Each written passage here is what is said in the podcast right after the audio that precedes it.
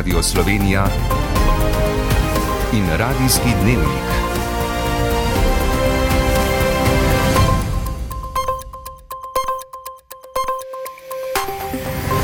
Ura je 18 in 30 minut.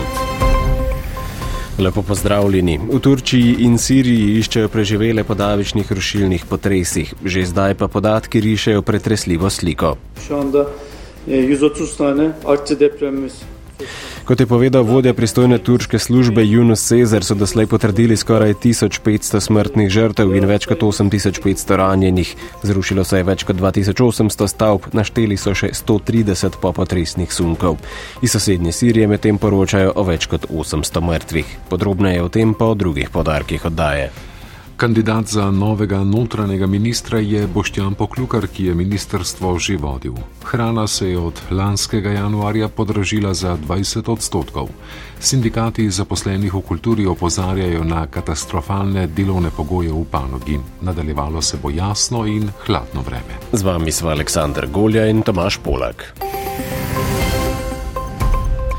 V katastrofalnem potresu z magnitudo 7,8, ki je davi stresel jugovzhod Turčije in severozahod Sirije, je po doslej zbranih podatkih umrlo najmanj 2300 ljudi, 1541 v Turčiji, več kot 800 pa v Siriji. Skoraj 10 tisoč turških državljanov je ranjenih, bojijo pa se, da bo žrtev še več, saj so številni ostali ujeti pod ruševinami podrtih zgradb. Reševanje ovirajo nizke temperature in padavine. Nekaj podatkov o posledicah rušilnega potresa je zbral Matej Šurc. Najprej so se zatresla tla zgodaj zjutraj z žariščem v bližini turškega mesta Gaziantep, nedaleč od turško-sirske meje. Do premika je prišlo skoraj 18 km pod površjem, potres pa so zaznali domala po vsej Evropi. Nekaj ur pozneje je sledil še en močan potres z magnitudo 7,6, na to pa več popotresnih sunkov z močjo do 6,7. Poleg Gaziantepa z milijon 300 tisoč prebivalci so močno poškodovana turška mesta Karaman Maras, Diyarbakir in Malat. V Siriji pa mesta Alep, Latakija in Hama. Gre za območja, ki so pod nadzorom sirskih upornikov. 11-letna državljanska vojna je pustila vidne posledice, med drugim uničeno infrastrukturo, kar dodatno otežuje reševanje. Food, water are definitely um, Hrana in voda sta v tem trenutku najbolj potrebni, prav tako zasilna bivališča, saj so številni ostali brez domov, pa vse vrste medicinske pomoči, zimska obleka in grelne naprave, kajti tu je zima, sneg in dež, temperature pa podničlo. Razmere opisuje Hombel in Duljer, članice ene od redkih humanitarnih organizacij, ki delujejo v Siriji. V Turčiji so razglasili alarm najviše stopne, ki vključuje tudi poziv za mednarodno pomoč. Po zadnjih podatkih se je na prizadetih območjih Turčije zrušilo skoraj 3500 zgradb. Preživeli in reševalci se na moč trudijo, da bi pod ruševinami našli preživele. V pristaniškem mestu Iskenderu na jugu je zaradi potresa izbruhnil požar. Turški strokovnjaki medtem preverjajo trdnost rečnih jezov, da bi preprečili morebitne katastrofalne poplave. Pomoč Turčiji in Siriji so obljubile ZDA in številne evropske ter druge države, med njimi tudi Slovenija. Slovenska vlada je izpolnila svojo obljubo in v Turčijo napotila strokovnjake za oceno stanja in operativno koordinacijo reševanja. Gre za pomoč v okviru mehanizma Evropske unije na področju civilne zaščite ob obsežnih potresih. Premijer Robert Golop je v državni zbor poslal predlog, da se na mesto notranjega ministra imenuje Boštjana Poklukarja, ki je to funkcijo že opravljal v obdobju od 2018 do 2020. Poklukar po izobrazbi magister javne uprave je od leta 1991 zaposlen na obrambnem ministrstvu, zdaj vodi upravo za vojaško dediščino. Predstavniki nevladnih organizacij so prejšnji teden predsedniku vlade v pismu odsvetovali imenovanje Poklukarja na mesto notranjega ministra. Maja Derčar. Ugibanje konec. Premijer Golob kot najprimernejšega kandidata za vodenje notranjega resorja vidi Boštjana Poklukarja, ki sodi v jedro nekdanje stranke LMŠ liste Marjana Šarca. Ta se je jeseni izlila z gibanjem Svoboda. Med Šarčevo vlado je Poklukar vodil notranje ministrstvo, takrat je Tatjana Bobnar, njegova izbira, vodila policijo. Pred dobrima dvema mesecema se je Poklukar v sporu med Bobnarjevo kot notranjo ministrico in premijejem Golobom postavil na stran slednjega. Ponovil je Golobova pričakovanja po depolitizaciji policije, ki je v času protestov proti Janševi vladi ukrepala z vodnim topom in v narekovajih zaplinjala Ljubljano.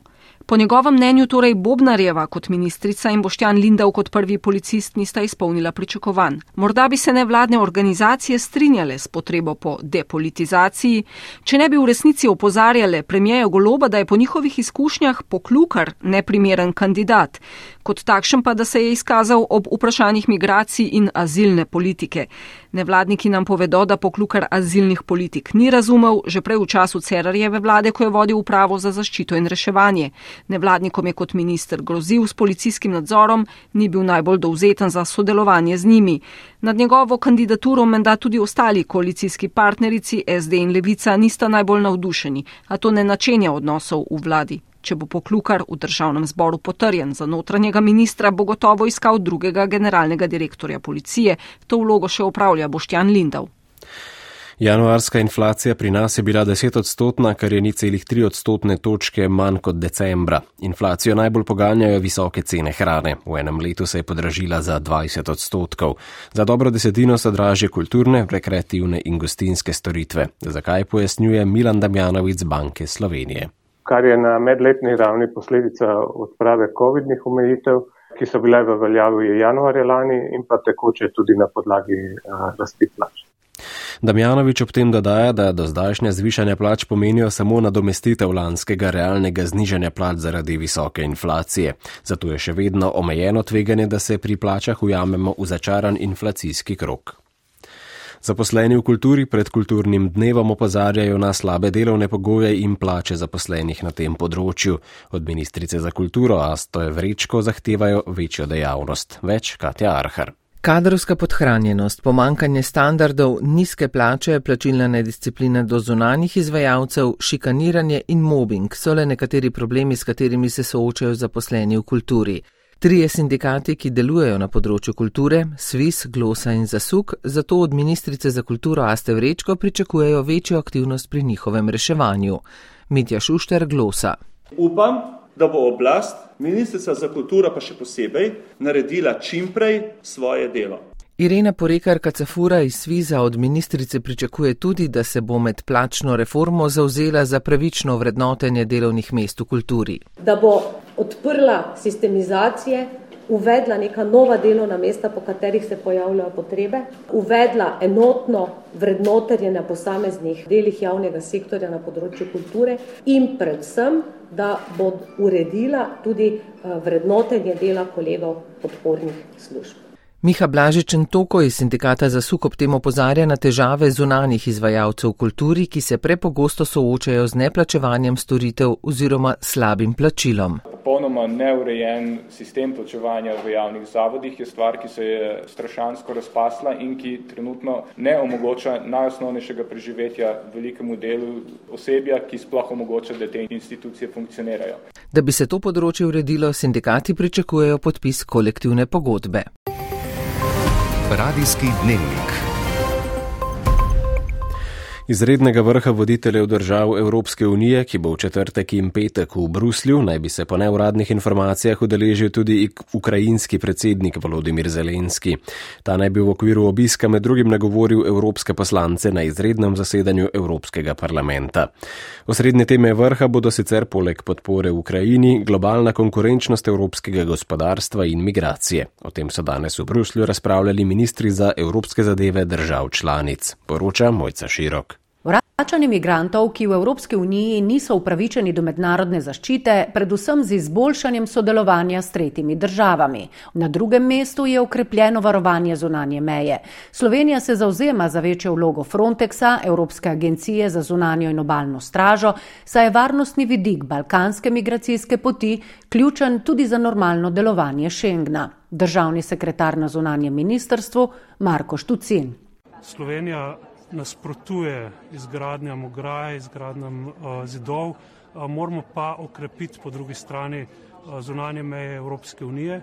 Um, zdaj z vstopom Hrvaške v Schengen se je šengenska meja premaknila južneje. Ministri so razpravljali tudi o načrtu za zeleni prehod in za spodbujanje globalne konkurenčnosti evropske industrije, ki ga je v odgovor na ameriško zakonodajo za zniževanje inflacije prejšnji teden predstavila Evropska komisija državni sekretar Marko Štucin. mora priti do neke fleksibilnosti, večje fleksibilnosti, kar se tiče državnih pomoči podjetjem, pri čemer pa je treba seveda paziti na to, da te državne pomoči ne posegajo preveč na notranji trg, kar pomeni, da morajo biti časovno omejene, morajo biti eh, osredotočene. Novih sredstev za državne pomoči Brusel za zdaj ne predvideva. Države jih bodo morale črpati iz obstoječih evropskih skladov. Slovenija pa po besedah državnega sekretarja podpira tudi morebitno oblikovanje novega skupnega finančnega mehanizma. Ruske sile so po navedbah Moskve zauzele nov zaselek v Doneški regiji, vse bližje naj bi bile tudi obkolitvi mesta Bahmut. Da se boji v regiji stopnjujejo, so potrdile tudi ukrajinske oblasti. Iz Londona pa so sporočili, da so v Združeno kraljestvo prispeli ukrajinski vojaki na usposabljanje za uporabo haubic AS-90, ki jih Britanci zagotavljajo Ukrajini.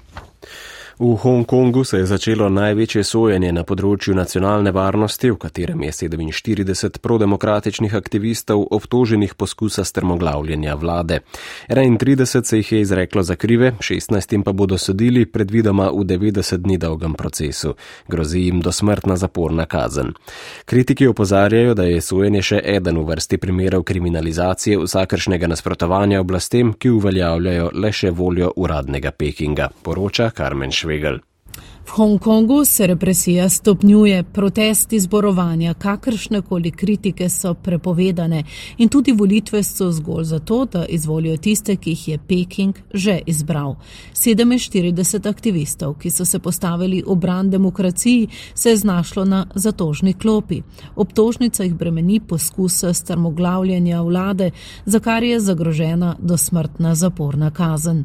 Aktivisti, med katerimi so študentje, profesori, novinari, in celo nekdanja članica Hongkonškega zakonodajnega sveta so skušali organizirati izbor nekakšne predvolitve, na katerih bi izbrali kandidate opozicije, ki bi se potegovali na volitvah za zakonodajni svet. To je bilo julija 2020, le nekaj dni potem, ko je v veljavo stopil novi zakon za nacionalno varnost. Kitajske oblasti so izbor kandidatov označile za nevarnost podkopavanja oblasti in zato tudi tudi predstavile načrtovane volitve. Te so potekale šele po obsežnih spremembah volilne zakonodaje, v skladu s katero so se zasedaže v zakonodajnem svetu lahko potegovali zgolj tako imenovani patrioti, kandidati zvesti Pekingu. Volitev se je udeležilo najmanj voljivcev v zgodovini Hongkonga. Kritiki so bili utišani, vsi aktivisti pa priprti. Zadnje dve leti so preživeli v preiskovalnem zaporu. 31 izmed 47 obtožencev je krivdo priznalo, po procesu preostalim 16 jim bodo zgolj izrekli kazen, ki je lahko tudi dosmrtna. Ljubljanska mestna opozicija je na današnji izredni seji kljub nesklepčnosti predstavila stališča proti graditvi C0. Svetniki so želeli občino z več sklepi pozvati naj gradbena dela ustavi in pristopi k alternativni trasi. V gibanju Svoboda so sklice označili za skrajni populizem, saj se projekt izvaja že pet let. Pohrsko smočišče Trije kralji v občini Slovenska Bistrica se pripravlja na obsežne naložbe. Z evropskim denarjem, pridobljenim na razpisu gospodarskega ministerstva za ulaganje v smučarsko infrastrukturo, bodo zgradili novo sedežnico in uredili površine za rekreativne dejavnosti. Bratko Zavrnik. Obiskanost smučišča Trije kralji presega zmogljivost dveh vlečnic Krokci in Sidri. Nova sedežnica bo zmogljivost podvojila, pravi direktor rekreativno-turističnega centra Jakec Trije kralji Božidar Juhart. Imamo velike čakalne vrste obstopov na smočišče, medtem ko so smočišča samevala, sedaj pa upamo, da se bo to spremenilo v nekem normalnem sorazmerju, da ne bo več čakalnih vrst in da tudi uh, smočišča ne bodo preveč polna. 3,8 milijonsko naložbo bo podprla Evropska unija s 3 milijoni evrov, v okviru tega pa bodo zgradili še lokostrelski poligon, plezalno steno in kolesarske proge. Vsi ti projekti bodo uh, zgrajeni in morajo biti uh, zgrajeni do meseca oktobra. Zdaj bomo pa pričeli čim prej, ko bo to dopuščalo vreme in ko se na nacionalni ravni dogovorimo z okoljevarstveniki glede gnezdenja ptic in vsega drugega ostalega. Oblani urejenem nogometnem igrišču in že nastajajočih igriščih za košarko, rokomet in odbojko na Mjuki upajo, da bodo z novo pridobitvijo na tri kralje privabili več gostov tudi poleti. Še enkrat povejmo, da je v jutranjih uničujočih potresih v Turčiji in Siriji doslej umrlo več kot 2300 ljudi. Turške oblasti menijo, da bo smrtnih žrtev še precej več, reševanje ponekod otežujejo padavine in nizke temperature. Evropska unija ter številne države so že obljubile pomoč, med njimi Slovenija, ki bo v Turčijo napotila strokovnjake za oceno stanja in operativno koordinacijo reševanja. Posamezniki lahko prav tako pomagajo z nakazili prek Rdečega križa in slovenske karitas. Dva meseca po odstopu Tatjane Bobnar z položaja notranje ministrice je premijer Robert Golop v parlament poslal ime kandidata za njenega naslednika. To je Boštjan Poklukar, ki je ministerstvo že vodil v obdobju od 2018 do 2020, torej v vladi Marjana Šarca. V športu čez nekaj trenutkov pa bo v spredju hokej oziroma slovenska hokejska reprezentanca. Z vami bo Klemen Vozel, jaz pa vam želim lep večer.